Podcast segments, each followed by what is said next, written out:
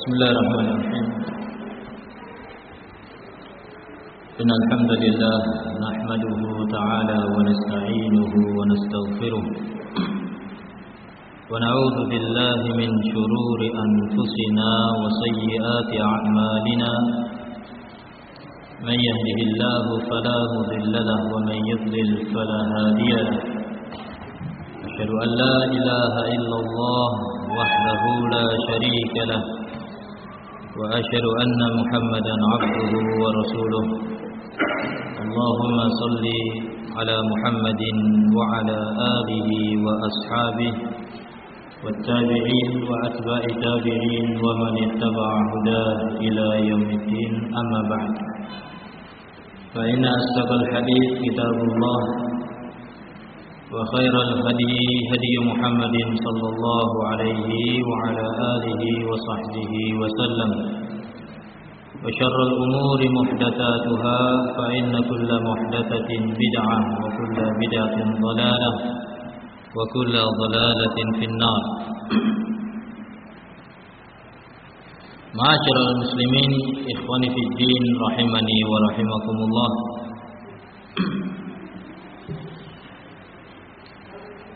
Alhamdulillah. Allah Subhanahu wa taala masih mempertemukan kita dan mengumpulkan kita di tempat yang mubarak ini insyaallah.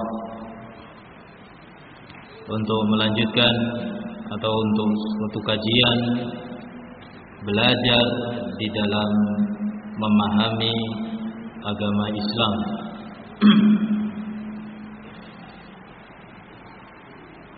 telah disampaikan pada pertemuan sebelumnya bahwasannya untuk kajian kita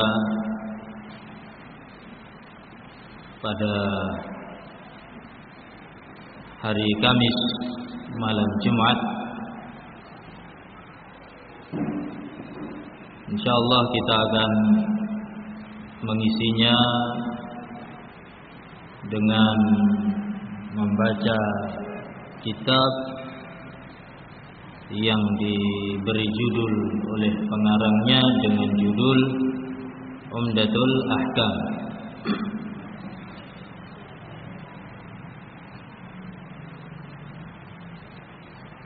Yang ini merupakan suatu kitab yang berisikan kumpulan-kumpulan hadis yang dikumpulkan oleh pengarangnya terkait dengan hukum-hukum fikih terkait dengan hukum-hukum fikih yang beliau mengupayakan hadis yang disebut yang disebutkan di dalam kitab Umdatul Ahkam tersebut adalah hadis yang hanya dikeluarkan oleh Imam Bukhari dan Muslim. Beliau mengupayakan hadis yang disebutkan hadis-hadis yang disebutkan dalam Umdatul Ahkam adalah hadis-hadis yang muttafaqun alaih yang hanya diriwayatkan oleh al-Imam Bukhari dan Muslim. Sehingga yang dikumpulkan oleh beliau dalam kitab tersebut merupakan kitab atau hadis-hadis yang merupakan yang sahih atau bahkan tidak diragukan lagi kesahihannya. Tidak diragukan lagi kesahihannya. Karena hadis yang diriwayatkan oleh Imam Bukhari dan Muslim merupakan hadis ucapan Rasulullah Shallallahu Alaihi Wasallam yang pasti benarnya. Kitab yang terpercaya setelah Al-Quranul Karim sebagaimana sering kita sampaikan kitab yang terpercaya setelah Al-Quranul Karim merupakan kitab Sahih Al-Imam Bukhari dan Sahih Al-Imam Muslim Bukan berarti dengan makna kita itu taklid, fanatik buta terhadap Imam Bukhari dan Muslim, bukan. Karena kitab Sahih Bukhari sebagai contoh merupakan kitab yang pengarangnya dalam hal ini adalah Imam Bukhari tidak sembarang memasukkan hadis di dalam kitab Sahih Bukhari tersebut. Tidak sembarang hadis. Imam Bukhari sendiri banyak meriwayatkan hadis, di antaranya sahih, ada yang dhaif. Imam Bukhari. Namun untuk Sahih Bukhari, beliau betul-betul menyaring tidak sembarang hadis yang bisa beliau masukkan ke dalam Sahih Bukhari. Bahkan dalam suatu riwayat disebutkan kisah Al-Imam Bukhari rahimahullah taala ketika hendak mencantumkan, memasukkan satu hadis ke dalam sahihnya, beliau harus sholat istikharah terlebih dahulu. Meminta petunjuk dari Allah Subhanahu wa taala apakah hadis ini pantas untuk diletakkan dalam Sahih Bukhari. Inilah yang menjadi alasan kenapa kitab setelah Al-Qur'anul Karim merupakan kitab yang terpercaya keabsahannya adalah kitab Sahih Bukhari dan juga Sahih Muslim. Kaum muslimin ikhwani rahimani wa rahimakumullah. Sebagaimana yang disinggung tadi bahwasannya kitab Umdatul Ahkam min kalami khairil anam merupakan kitab yang berisikan tentang hadis-hadis yang berkaitan tentang bidang fikih. Karena memang kita sebagai hamba Allah Subhanahu wa taala yang kita memahami tujuan kita diciptakan dan tujuan kita diwujudkan oleh Allah Subhanahu wa taala di muka bumi ini adalah untuk beribadah kepada Allah Subhanahu wa taala untuk beribadah kepada Allah Subhanahu wa taala dengan berbagai macam jenis-jenis ibadahnya. Baik itu ibadah yang sifatnya anggota badan atau ibadah yang sifat dengan dengan qalbiyah, hati. Allah Subhanahu wa taala memerintahkan semua itu. Yang paling besar dalam beribadah kepada Allah Subhanahu wa taala yang paling mulia di dalam beribadah kepada Allah Subhanahu wa taala adalah dengan kita mentauhidkan Allah. Dalam artian kita tidak akan menyerahkan sekecil apa pun ibadah kepada selain Allah Subhanahu wa taala. Semuanya adalah untuk Allah. Qul inna salati wa nusuki wa mahyaya wa mamati lillahi rabbil alamin. Katakan wahai Muhammad, sesungguhnya salatku wa nusuki dan ibadah ibadahku. Hidupku dan matiku hanyalah untuk Allah Rabb semesta alam wa ma khalaqtul jinna wal insa illa liya'budun. Dan tidaklah aku menciptakan jin dan manusia kata Allah Azza wa Jal melainkan agar mereka beribadah hanya kepadaku kata Allah sehingga ini adalah tujuan diciptakan manusia untuk beribadah kepada Allah Subhanahu wa taala. Nah, sekarang yang menjadi pertanyaan adalah ibadah merupakan perkara yang bukan sembarangan. Ibadah merupakan bukan perkara yang kita bisa membuat sendiri-sendiri, merekayasa sendiri-sendiri, menyusun sendiri-sendiri. Lah. Ibadah merupakan perkara yang sifatnya tauqifiyah. Kita harus mencontoh Rasulullah sallallahu alaihi wasallam. Tidak sembarangan kita berbuat melakukan sesuatu kemudian kita nisbatkan ini adalah bentuk ibadah. Kita melakukan suatu gerakan-gerakan tertentu kemudian kita menisbatkan ini adalah ibadah.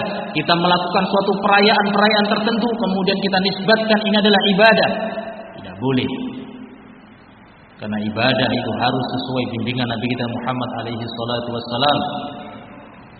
Sebagaimana dalam hadis yang masyhur man amila amalan laisa man amila amalan laisa alaihi amruna bahwa rad barang siapa mengamalkan suatu amalan yang tidak kami perintahnya yang tidak ada perintahnya dari kami mengerjakan suatu pekerjaan, mengamalkan suatu amalan, kemudian dinisbatkan itu adalah ibadah yang tidak diperintahkan oleh kami, tidak diperintahkan oleh Allah dan Rasulnya, tidak diperintahkan oleh Rasulullah Sallallahu Alaihi Wasallam dengan amalan tersebut, bahwa rad, maka amalan tersebut tertolak, hei mardud, tertolak, tidak akan diterima oleh Allah Azza Wajalla. Sehingga tidak sembarang ibadah. Dikuatkan lagi dengan hadis dengan lafaz yang lainnya, man ahdatsa fi amrina hadza ma laysa minhu huwa rad. Barang siapa mengada-ada sesuatu yang baru dalam urusan agama padahal itu bukan dari agama bahwa rad maka dia akan tertolak meskipun menghabiskan waktu yang panjang, meskipun mengorbankan dengan biaya yang besar, meskipun dengan niat mungkin niat itu baik ikhlas karena Allah, namun apabila praktek ibadahnya itu bukan dari perintah Rasulullah dan bukan dari ajaran Rasulullah, maka tidak akan diterima oleh Allah Subhanahu wa taala. Meskipun dengan pengorbanan yang besar.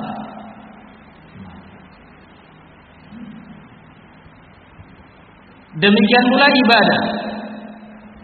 Yang kalau seandainya secara dasar atau secara asal ibadah tersebut merupakan ibadah yang dicontohkan, disyariatkan.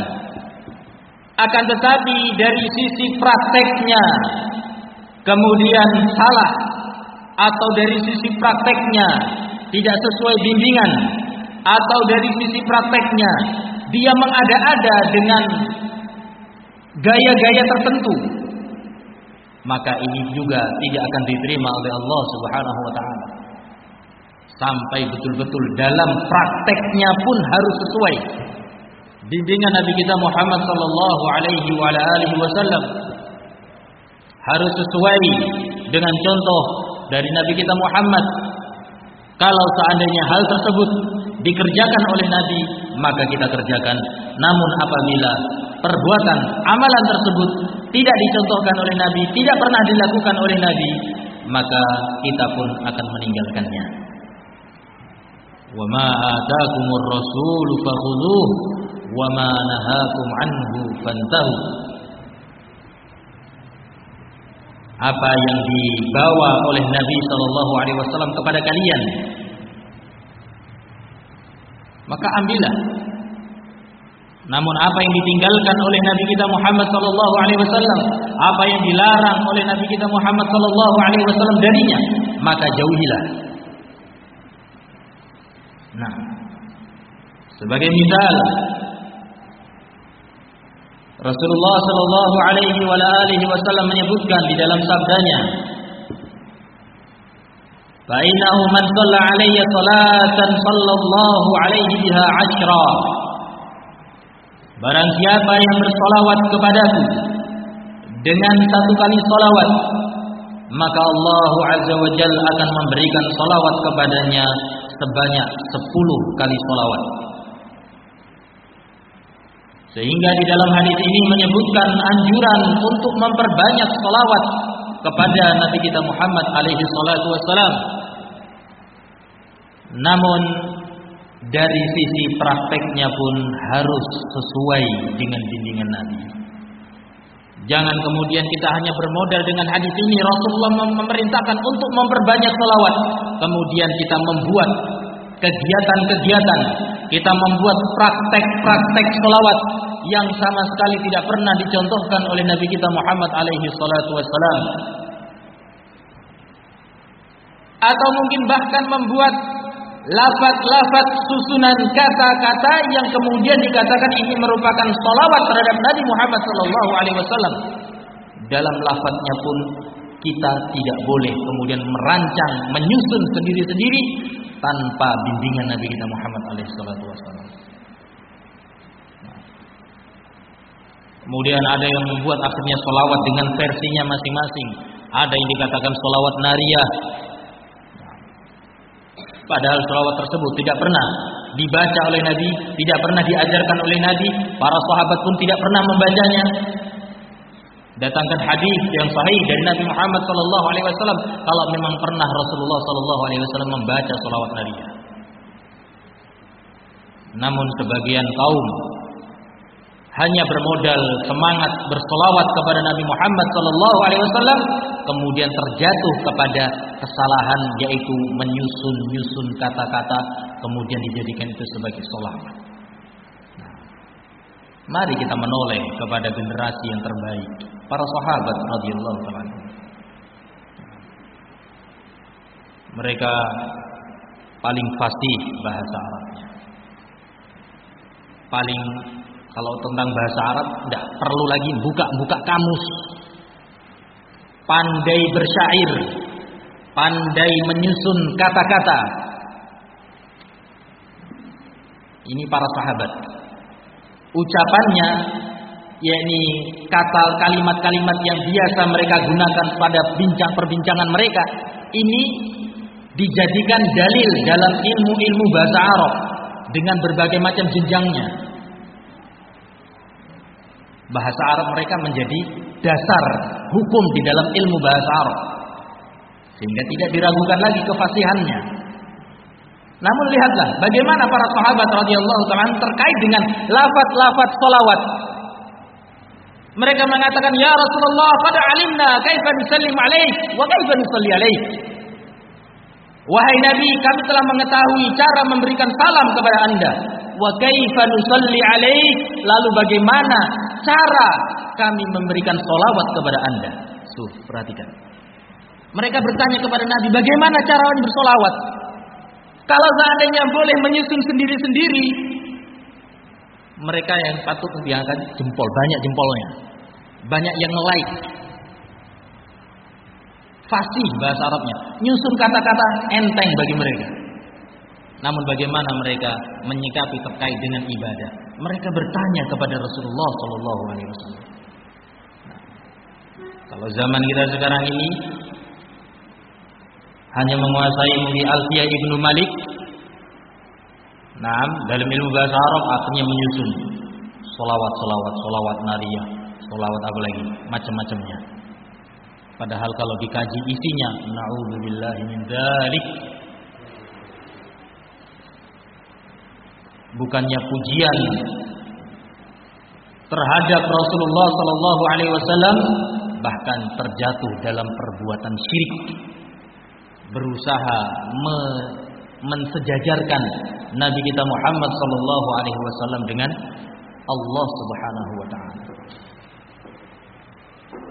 Nah, dalam syair tersebut disebutkan bahwasannya dengan Rasulullah Sallallahu Alaihi Wasallam semua kebutuhan-kebutuhan itu terpenuhi. Bayangkan. Dengan Nabi Muhammad sallallahu alaihi wasallam semua kebutuhan manusia itu terpenuhi. Seolah-olah apa? Yang memberikan kebutuhan memenuhi kebutuhan manusia adalah Rasulullah sallallahu alaihi wasallam. Bagaimana kita tidak mengatakan na'udzubillah dengan ucapan seperti ini? Yang mampu memenuhi kebutuhan kebutuhan manusia termasuk adalah Nabi Muhammad Shallallahu Alaihi Wasallam adalah hanya Allah. Malaikat pun tidak mampu. Lalu kenapa kemudian Rasulullah Shallallahu Alaihi Wasallam diucapkan dengan ucapan karena beliau kebutuhan manusia itu dipenuhi. Saya lupa lupa lafadznya seperti apa. Di mana? Allahumma salli salatan kamilatan wa salim salaman kaman ala sayyidina Muhammadin alladhi alladhi tanhalu bihil uqadu. Bayangkan. Yang dengan Nabi Shallallahu Alaihi Wasallam itu terlepas ikatan-ikatan beban. Bayangkan menjadikan Rasulullah Shallallahu Alaihi Wasallam itu sebagai pelepas ikatan-ikatan beban manusia. Padahal yang mampu hanyalah Allah. Nabi Muhammad tidak mampu, malaikat Jibril pun tidak mampu. Inilah karena hanya bermodalkan semangat bersolawat kemudian tidak bimbing dibimbing dengan prakteknya akhirnya terjatuh dalam kemungkaran-kemungkaran para sahabat radhiyallahu taala anhum mereka saja bertanya kepada Nabi Muhammad sallallahu alaihi wasallam bagaimana cara solawatnya. Maka diajarilah oleh Rasulullah sallallahu alaihi wasallam dengan solawat yang kita kenal dengan solawat Ibrahimiyah. Allahumma salli ala Muhammad wa ala ali Muhammad kama sallaita ala Ibrahim wa ala ali Ibrahim wa barik ala Muhammad wa ala ali Muhammad kama barakta ala Ibrahim wa ala ali Ibrahim innaka Hamidum Majid. Selawat seperti itu boleh, silahkan. Karena itu yang diajarkan oleh Nabi. Kalau selawat dengan selawat-selawat yang tidak pernah diajarkan oleh Nabi, jangan. Mencukupkan diri dengan selawat yang diajarkan oleh Nabi kita Muhammad Wasallam. Oh berarti anda ini nggak suka selawatan. Berarti anda ini nggak cinta kepada Nabi Muhammad Wasallam. Seolah-olah cinta itu hanya diwujudkan dengan praktek-praktek kegiatan-kegiatan acara-acara solawatan yang dengan praktek yang tidak pernah diajarkan oleh Nabi. Ya kita mari menoleh, tidak usah lihat kita menoleh ke generasi para sahabat. Anda dengan para sahabat itu lebih cinta mana kepada Rasulullah Sallallahu Alaihi Wasallam? Para sahabat itu rela mati untuk membela Nabi, membaiat Nabi Muhammad Sallallahu Alaihi Wasallam akan menolong, membantu beliau dalam susah senang, bahkan mengorbankan nyawanya untuk melindungi Nabi Sallallahu Alaihi Wasallam. Sudah baiat. Lah kalau kita apa yang kita korbankan untuk Rasulullah? Enggak usah Rasulullah Islam apa? Ada sedikit peluang untuk Islam saja muncul tendensi-tendensi duniawi. Nauzubillah. Nah, ini mau dikatakan sebagai cinta Nabi? Nah, mengaku cinta Islam, mengaku cinta Nabi Muhammad Sallallahu Alaihi Wasallam, diajak untuk mengisi taklim di suatu tempat tidak mau kalau harus di, dijemput dengan mobil tidak mau maunya pakai helikopter. Nauzubillah kalau seperti ini. Nah, sehingga jangan dibandingkan. Para sahabat radhiyallahu taala yang paling cinta kepada Rasulullah sampai rela mengorbankan apa yang mereka miliki, waktunya, hartanya, bahkan nyawanya tidak pernah melakukan kegiatan-kegiatan yang seperti itu. Dan yang semisalnya ma'asyiral ikhwah rahimani wa rahimakumullah dalam ibadah kita tidak boleh merancang sendiri-sendiri. Tidak boleh merancang sendiri.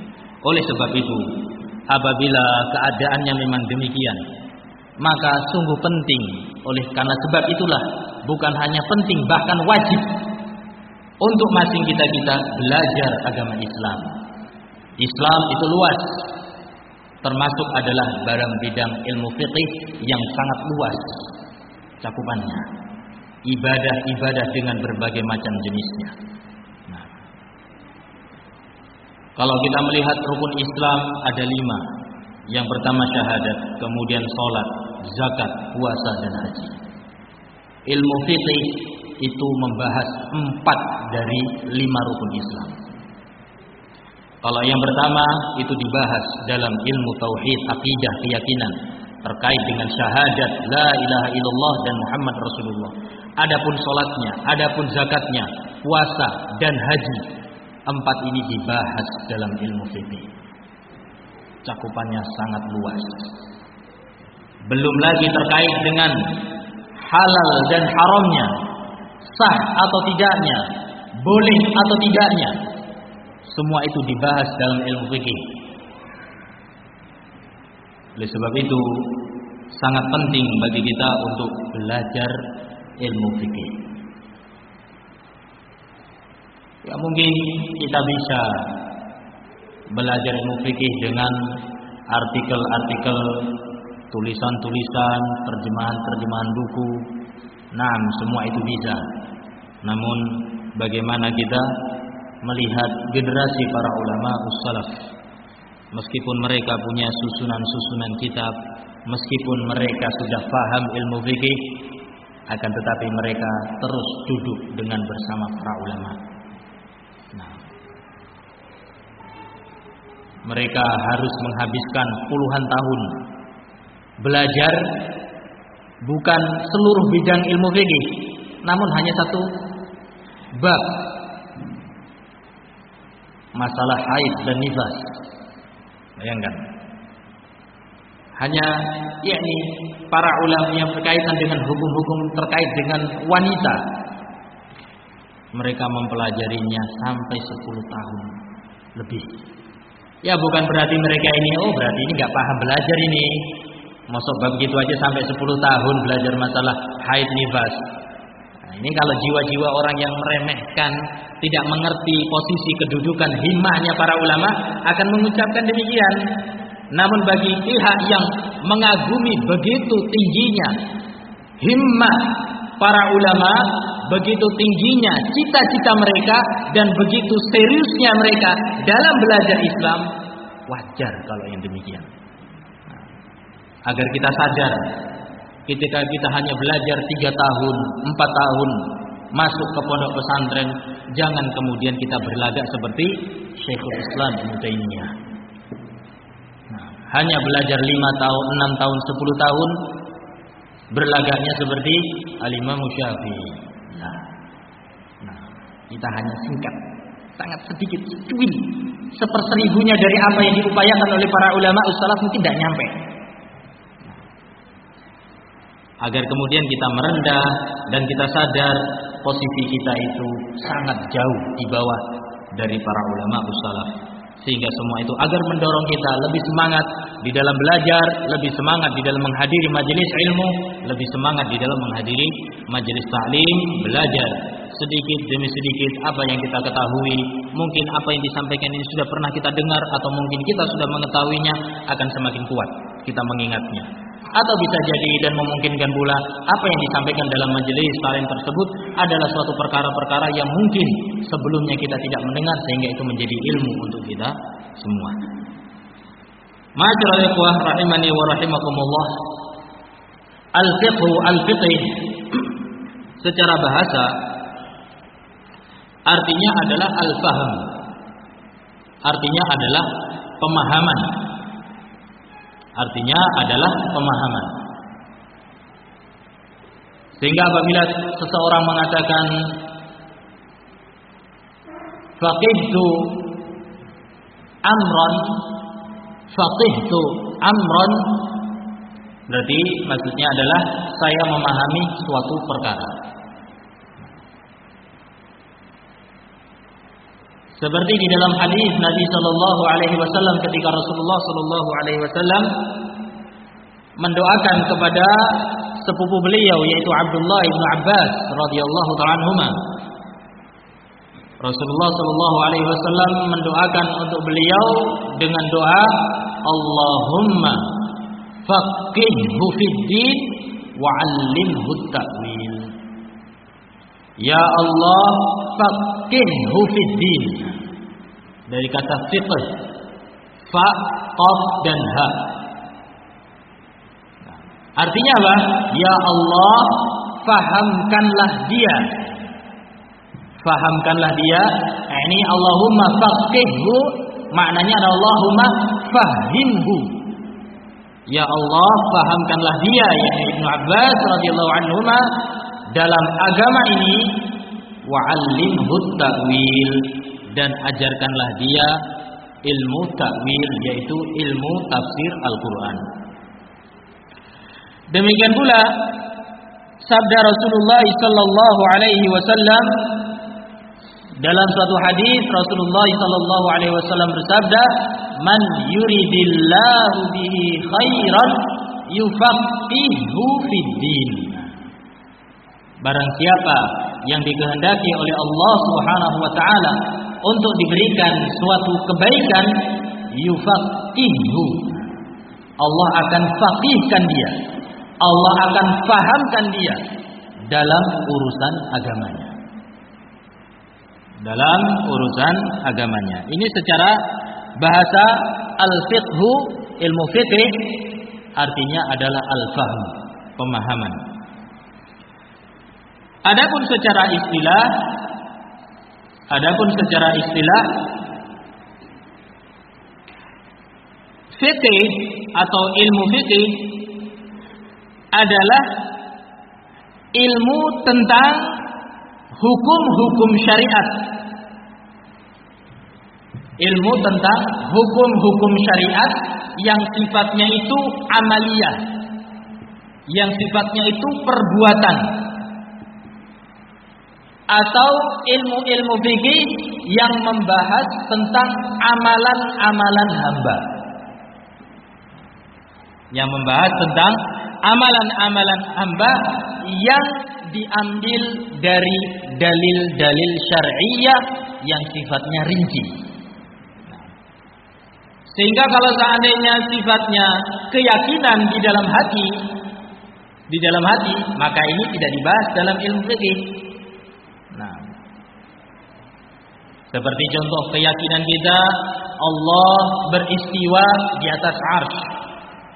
Ar-Rahmanu 'alal 'arsy istawa. Allah Ar-Rahman beristiwa di atas arsy. Nah, kita pahami bahwasanya Allah itu berada di atas arsy. Allah tidak di mana-mana. Karena Allah menyebutkan di dalam Al-Quran, Rasulullah Shallallahu Alaihi Wasallam juga menyebutkan bahwasannya Allah itu di atas langit, beristiwa di atas arsnya. Nah, itu keyakinan kita tidak dibahas dalam ilmu fikih. Kenapa? Karena ini adalah sifatnya keyakinan. Kalau fikih itu amalia, perbuatan, amalan-amalan perbuatan. Atau mungkin contoh lain keyakinan bahwasanya tidak ada sesembahan yang berhak disembah kecuali Allah La ilaha illallah itu keyakinan kita. Nah, itu tidak dibahas oleh ulama fikih. Nanti dibahas di bidang lain. Dalam bidang lain. Oleh karena itu yang saya sebutkan tadi apa? Kalau rukun Islam itu berjumlah lima, empatnya itu dibahas dalam ilmu fikih. Salat, apa lagi? Puasa, eh, salat, zakat, puasa dan haji. Nah, itu semuanya adalah amaliyah perbuatan. Nah, inilah yang dibahas dalam ilmu fikih akan tetapi amalan-amalan tersebut, pembahasan-pembahasan tersebut yang terkait dengan amalia perbuatan ini adalah sesuatu yang diambil dari dalil-dalil Al-Quran dan Sunnah. Sehingga jangan kemudian belajar ilmu fikih namun amalannya itu diambil dari sesuatu yang muhdasat, sesuatu yang diada-adakan. Tidak boleh seperti itu. Nah, ilmu fikih harus bersumber dari dalil-dalil. Dibahas wudu seandainya. Dibahas wudu dalam ilmu fikih karena memang disebutkan di situ apa? Dalil wudu. Nah, dalil wudu dan yang lainnya. Sehingga ilmu fikih disyaratkan dalam maknanya bahwasannya harus bersumber dari dalil-dalil yang sifatnya rinci dari Al-Quran dan Sunnah dan itu mencakup umum bukan hanya fikih. Dalam bidang akidah keyakinan kita juga demikian harus mengambil dari Al-Quran dan Sunnah. Nah, nah. Adapun kitab yang akan kita baca sebagaimana saya singgung tadi yaitu kitab Umdatul Ahkam min kalami khairil anam yang ini merupakan kitab karya ulama salaf yang bernama Syekh Abdul Ghani bin Abdul Wahid bin Ali bin Surur bin Rafi bin Hasan bin Ja'far rahimahullahu taala al-Maqdisi. Nah, beliau bernama Abdul Ghani bin Abdul Wahid bin Ali bin Surur bin Rafi bin Hasan bin Ja'far Al-Maqdisi rahimahullahu taala. Beliau ini kalau dilihat dari mazhab lebih condong ke mazhabnya Hambali. Mazhab Al-Imam Ahmad rahimahullahu taala. Nah, dan itu kecondongan suatu mazhab itu bukan sesuatu yang tercela. Bukan sesuatu yang tercela. Yang tercela itu adalah fanatik. Sebagaimana mungkin yang kita ketahui madhab-madhab di dalam fikih itu kan empat, ya kan? Madhab Syafi'i, madhab Maliki, kemudian madhab Hanafi dan madhab Hambali madhab Syafi'i itu adalah Syekh Muhammad Imam Muhammad bin Idris Al-Imam Syafi'i madhab Maliki nisbat kepada Malik bin Anas rahimahullahu taala madhab Hanafi nisbat kepada Abu Hanifah dan madhab Hambali nisbat kepada Imam Ahmad bin Hanbal rahimahumullahu taala kecondongan seseorang kepada madhab-madhab tertentu ini bukan sesuatu yang tercela. Namun yang tercela adalah ketika seseorang itu fanatik. Dia tidak mau melihat dalil lagi. Yang dia lihat bukan nas dari Al-Quran ataupun hadis. Yang dia lihat adalah madhabnya siapa ini. Meskipun itu kalau seandainya mungkin dia adalah orang yang lebih yang fanatiknya ke madhab syafi'i dia nanti tidak peduli madhabnya hambali dia mendatangkan dalil jelas Al-Quran hadis yang itu membantah pendapatnya Imam Syafi'i maka dia tidak akan peduli nantinya ketika seseorang fanatik buta tidak mau tahu kamu biar datangkan Al-Quran biar datangkan hadis yang jelas saya mengikuti madhab Syafi'i. Ini yang tercela. Kalau hanya sekedar condong, saya lebih mengikuti. Namun dengan melihat dalil, ketika di sana ada mazhab yang lain yang lebih jelas, lebih sorry dan lebih mendekati kebenaran dari sisi pendalilannya, maka dia mengambil yang itu. Mana yang lebih jelas? Dia ambil yang itu, meskipun berlain-lain mazhab. Ini yang dicontohkan. Dia bukan mazhab yang diikuti, namun yang diikuti adalah dalil syariah yang tercela adalah seseorang ketika yang dilihat itu madhabnya tanpa menoleh ke dalilnya. Sampai-sampai di suatu kisah orang yang fanatik dengan madhabnya Abu Hanifah, madhab Hanafiyah, dan dia saking fanatiknya membenci madhab-madhab selain madhab Hanafiyah yang lebih dibenci lagi adalah madhab al-Imam Syafi'i. Dia benci sekali. Sampai dia menyusun hadis palsu. Dengan mengatakan, saya ti alaikum rajulun Muhammad bin Idris wa huwa syarrun min iblis. Secara lafaz Masya Allah hadis deh. Iya ya, bahasa Arab baru seperti bait-bait sayati alaikum rajulun Muhammad bin Idris wa huwa syarrun min iblis akan datang kepada kalian seseorang yang bernama Muhammad bin Idris yaitu Al-Imam Syafi'i dia itu lebih jahat dibandingkan iblis karena saking fanatiknya dengan madhab tertentu membuat suatu kemungkaran yang besar yaitu membuat hadis palsu untuk menjatuhkan, menghina orang yang berbeda madhab dengan ini tercela. Bukan hanya sekedar tercela, bahkan dosa besar sampai pada tingkatan membuat hadis palsu. Sehingga kalau sekedar condong itu tidak mengapa. Namun kalau seandainya condongnya ke mazhab tertentu sampai pada tingkatan fanatik taklidul a'ma fanatik buta kemudian sudah menolak hadis Al-Qur'an Al-Qur'an dan hadis ini yang tercela. Dan kalau memang seandainya kita itu sebagai orang yang condong kepada mazhab yang jangan pilih-pilih kalau sekarang itu mazhab itu hanya sekedar seolah-olah formalitas madhabnya itu apa? saya madhab syafi'i Padahal dia tidak pernah membahas madhab syafi'i dalam ibadah sholat bersedekap seperti apa. Madhab alimam syafi'i dalam azan itu seperti apa. Cuma sekedar ucapan, slogan. Pernah dulu saya mengaji, tidak usah disebutkan tempat ini mana, yang jelas di Kemba. Nah, sebelum mengenal dakwah. Saking fanatiknya dia dengan madhab syafi'i membuat suatu yang baru. Dalam fitnah kubur yang kita tahu itu apa? Pertanyaan malaikat itu hanya berapa? Tiga. Man robbuk, wa man nabiyuk, wa dinuk. Apa? Siapa robmu? Siapa nabimu? Dan apa agamamu? Dia mengajarkan kepada kami empat. Kalau ditanya man robbuk, jawab Robbi Allah. Kalau ditanya wa dinuk, apa agamamu? Jawab dini Islam. Kalau ditanya waman nabiyuk siapa nabimu? Nabi Muhammad. Nanti ada yang empat.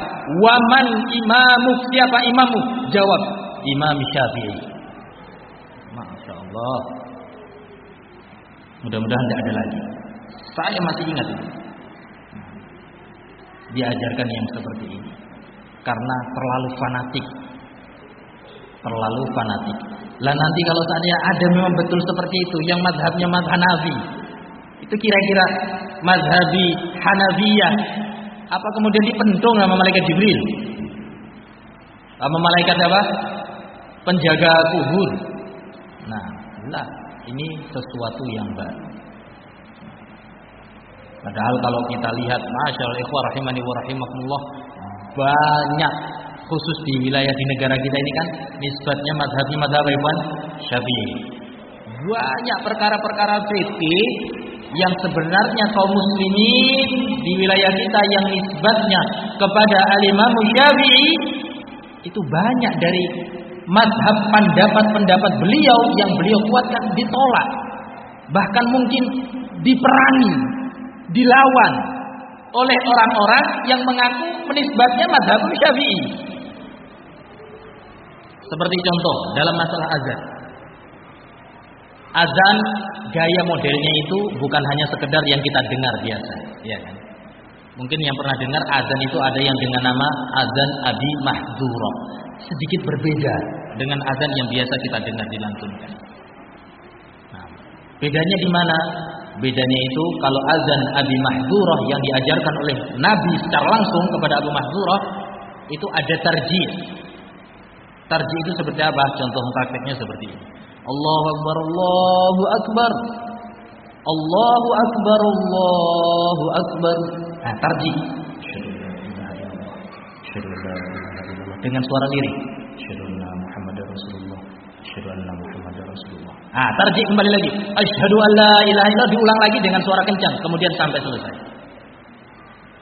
Al-Imam Syafi'i rahimahullah taala terkait dengan ini, beliau wajib mengatakan wajib bahkan sampai pada tingkatan tidak sah salat yang azannya bukan azan Abu Mahdzurah.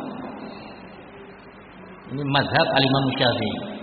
Nah, sekarang kalau seandainya antum di masyarakat awam azan dengan Abu Mahdzurah yang mereka tidak pernah dengar seandainya. Kira-kira reaksi mereka gimana?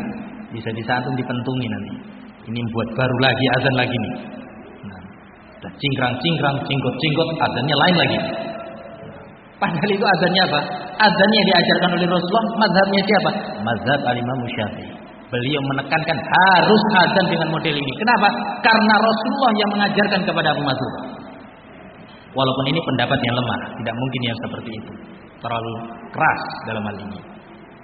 Karena adzan itu banyak modelnya dan semuanya itu boleh diamalkan pada zaman Rasulullah Shallallahu Alaihi Wasallam. Namun kita hendak membicarakan berapa banyak orang yang menisbatkan dirinya kepada suatu madhab, akan tetapi justru dia memerangi madhab tertentu. Harus jujur. Kalau memang fanatik terhadap tertentu, meskipun itu sesuatu yang tercela. Nah, meskipun itu sesuatu yang tercela. Sehingga masyaallah rahimani wa rahimahullah apabila kita berbicara masalah fikih itu tidak akan terlepas dari perselisihan-perselisihan para ulama. Itu sesuatu yang sudah yakni seperti itu. Pasti pasti yang seperti itu akan kita dapati tatkala kita membahas dalam ilmu fikih. Namun sering kita sampaikan apabila kita mendapati perselisihan-perselisihan dalam amaliyah ibadah yang masing-masing memang memiliki hujah yang kuat, yang sahih, jangan kemudian dijadikan itu sebagai bahan untuk menjatuhkan, merendahkan atau sampai pada tingkatan penghinaan permusuhan.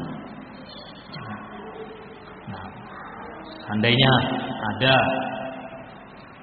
dalam sholat ketika iktidal ruku bangkit dari ruku ada yang sedekat qabd ada yang irsal meluruskan. Masing-masing memiliki hujjah. Masing-masing memiliki alasan. Para ulama pun mereka dari zaman dahulu berselisih. Mereka memiliki ijtihad masing-masing. Memiliki hujjah yang jelas. Maka dalam hal ini ya kita toleransi.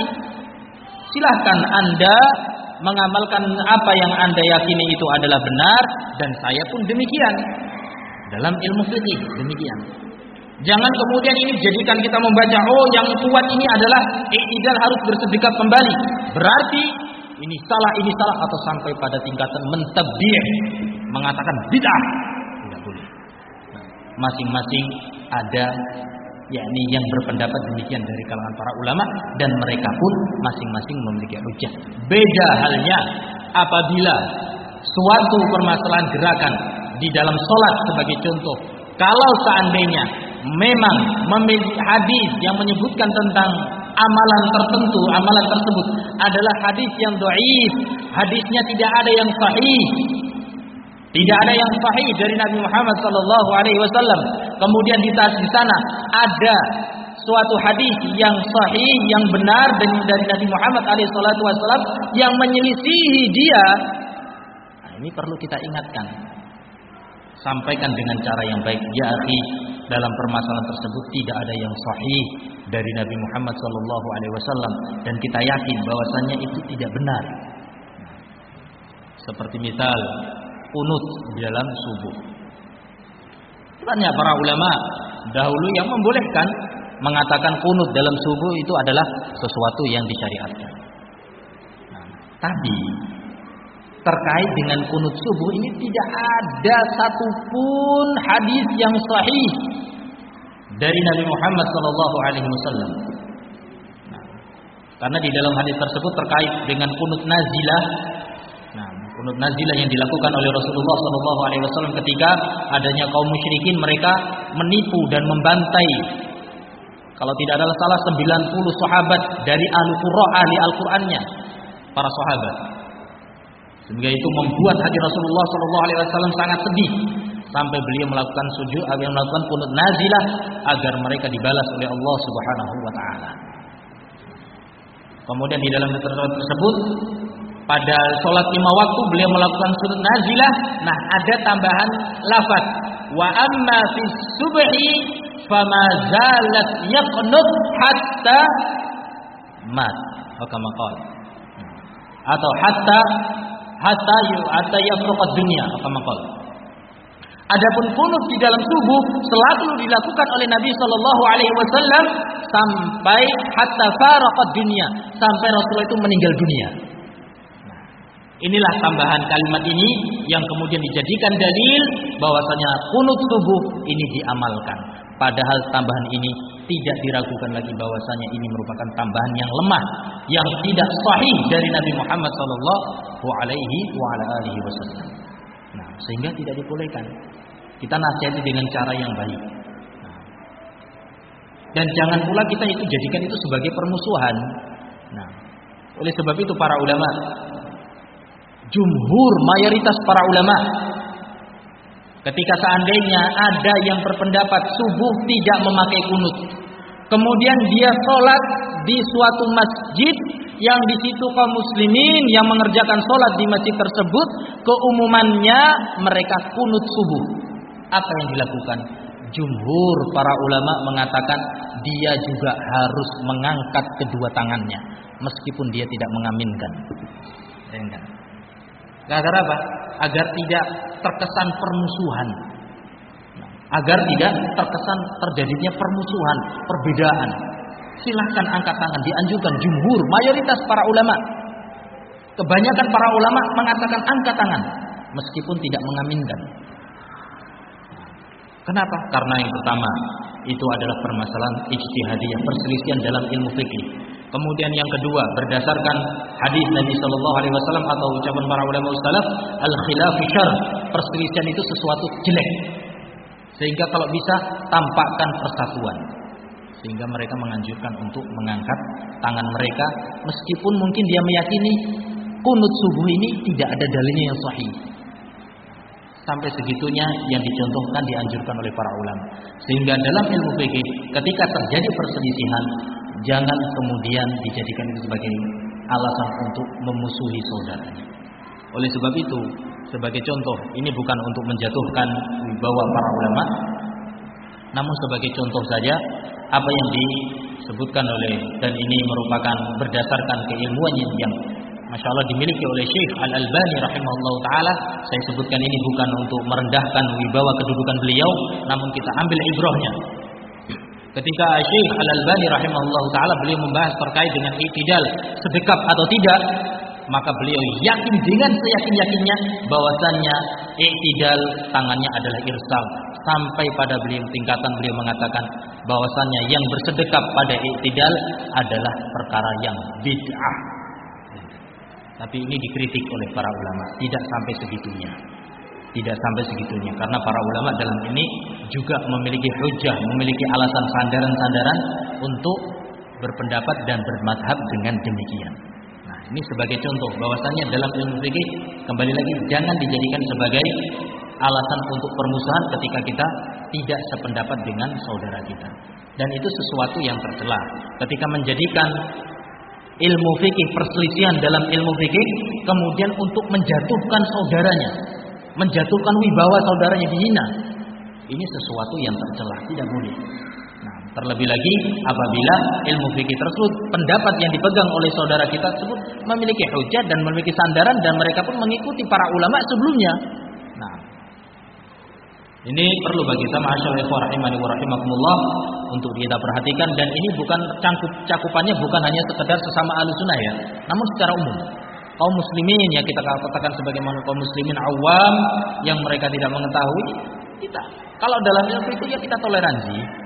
Jangan kemudian itu dijadikan sebagai perkara-perkara yang menjatuhkan atau menghinakan mereka.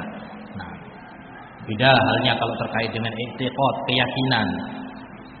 Ini beda ada tahapan-tahapan di dalam mengingkari dalam permasalahan etikot. Nasihat sampai pada tingkatan barok berlepas diri antipati karena kaitannya tidak lagi dengan yakni fikih dalam keyakinan. Kalau keyakinan itu sumbernya satu. Kalau fikih itu sifatnya mutajaddid, kontemporer kadang tiap generasi itu muncul permasalahan baru, permasalahan baru, permasalahan baru yang inilah menjadi letak perselisihan di antara para ulama. Kalau permasalahan akidah keyakinan itu sesuatu yang baku. Tidak akan berubah, tidak akan yakni terjadi pembaruan atau tidak ada. Sehingga kalau dalam keyakinan, i'tiqad, akidah maka di sanalah ada nanti penerapan-penerapan barok berlepas diri pada tingkatan tahdir, mencela dan menyampaikan kepada umat bahwasanya si fulan ini adalah orang yang sesat karena memiliki pemahaman keyakinan yang sesat. Yang dibahas dalam ilmu ajarhu wa ta'dil dalam bidang manhaj, prinsip di dalam beragama Islam. Namun kalau dalam ilmu fikih kembali jangan itu dijadikan sebagai alasan untuk mencela dan menjatuhkan kedudukan seseorang karena mungkin berbeda pendapat dalam ilmu fikih. Wallahu a'lam bishawab. Adapun inti dari kitab dan mukaddimah, insyaallah mungkin kita akan baca sebutkan pada pertemuan berikutnya bismillah. Baik, subhanakallahumma rabbana bihamdik, syada la ilaha illa wa atubu ilaik wa akhiru da'wana alamin. Tafaddalu hafizakumullah.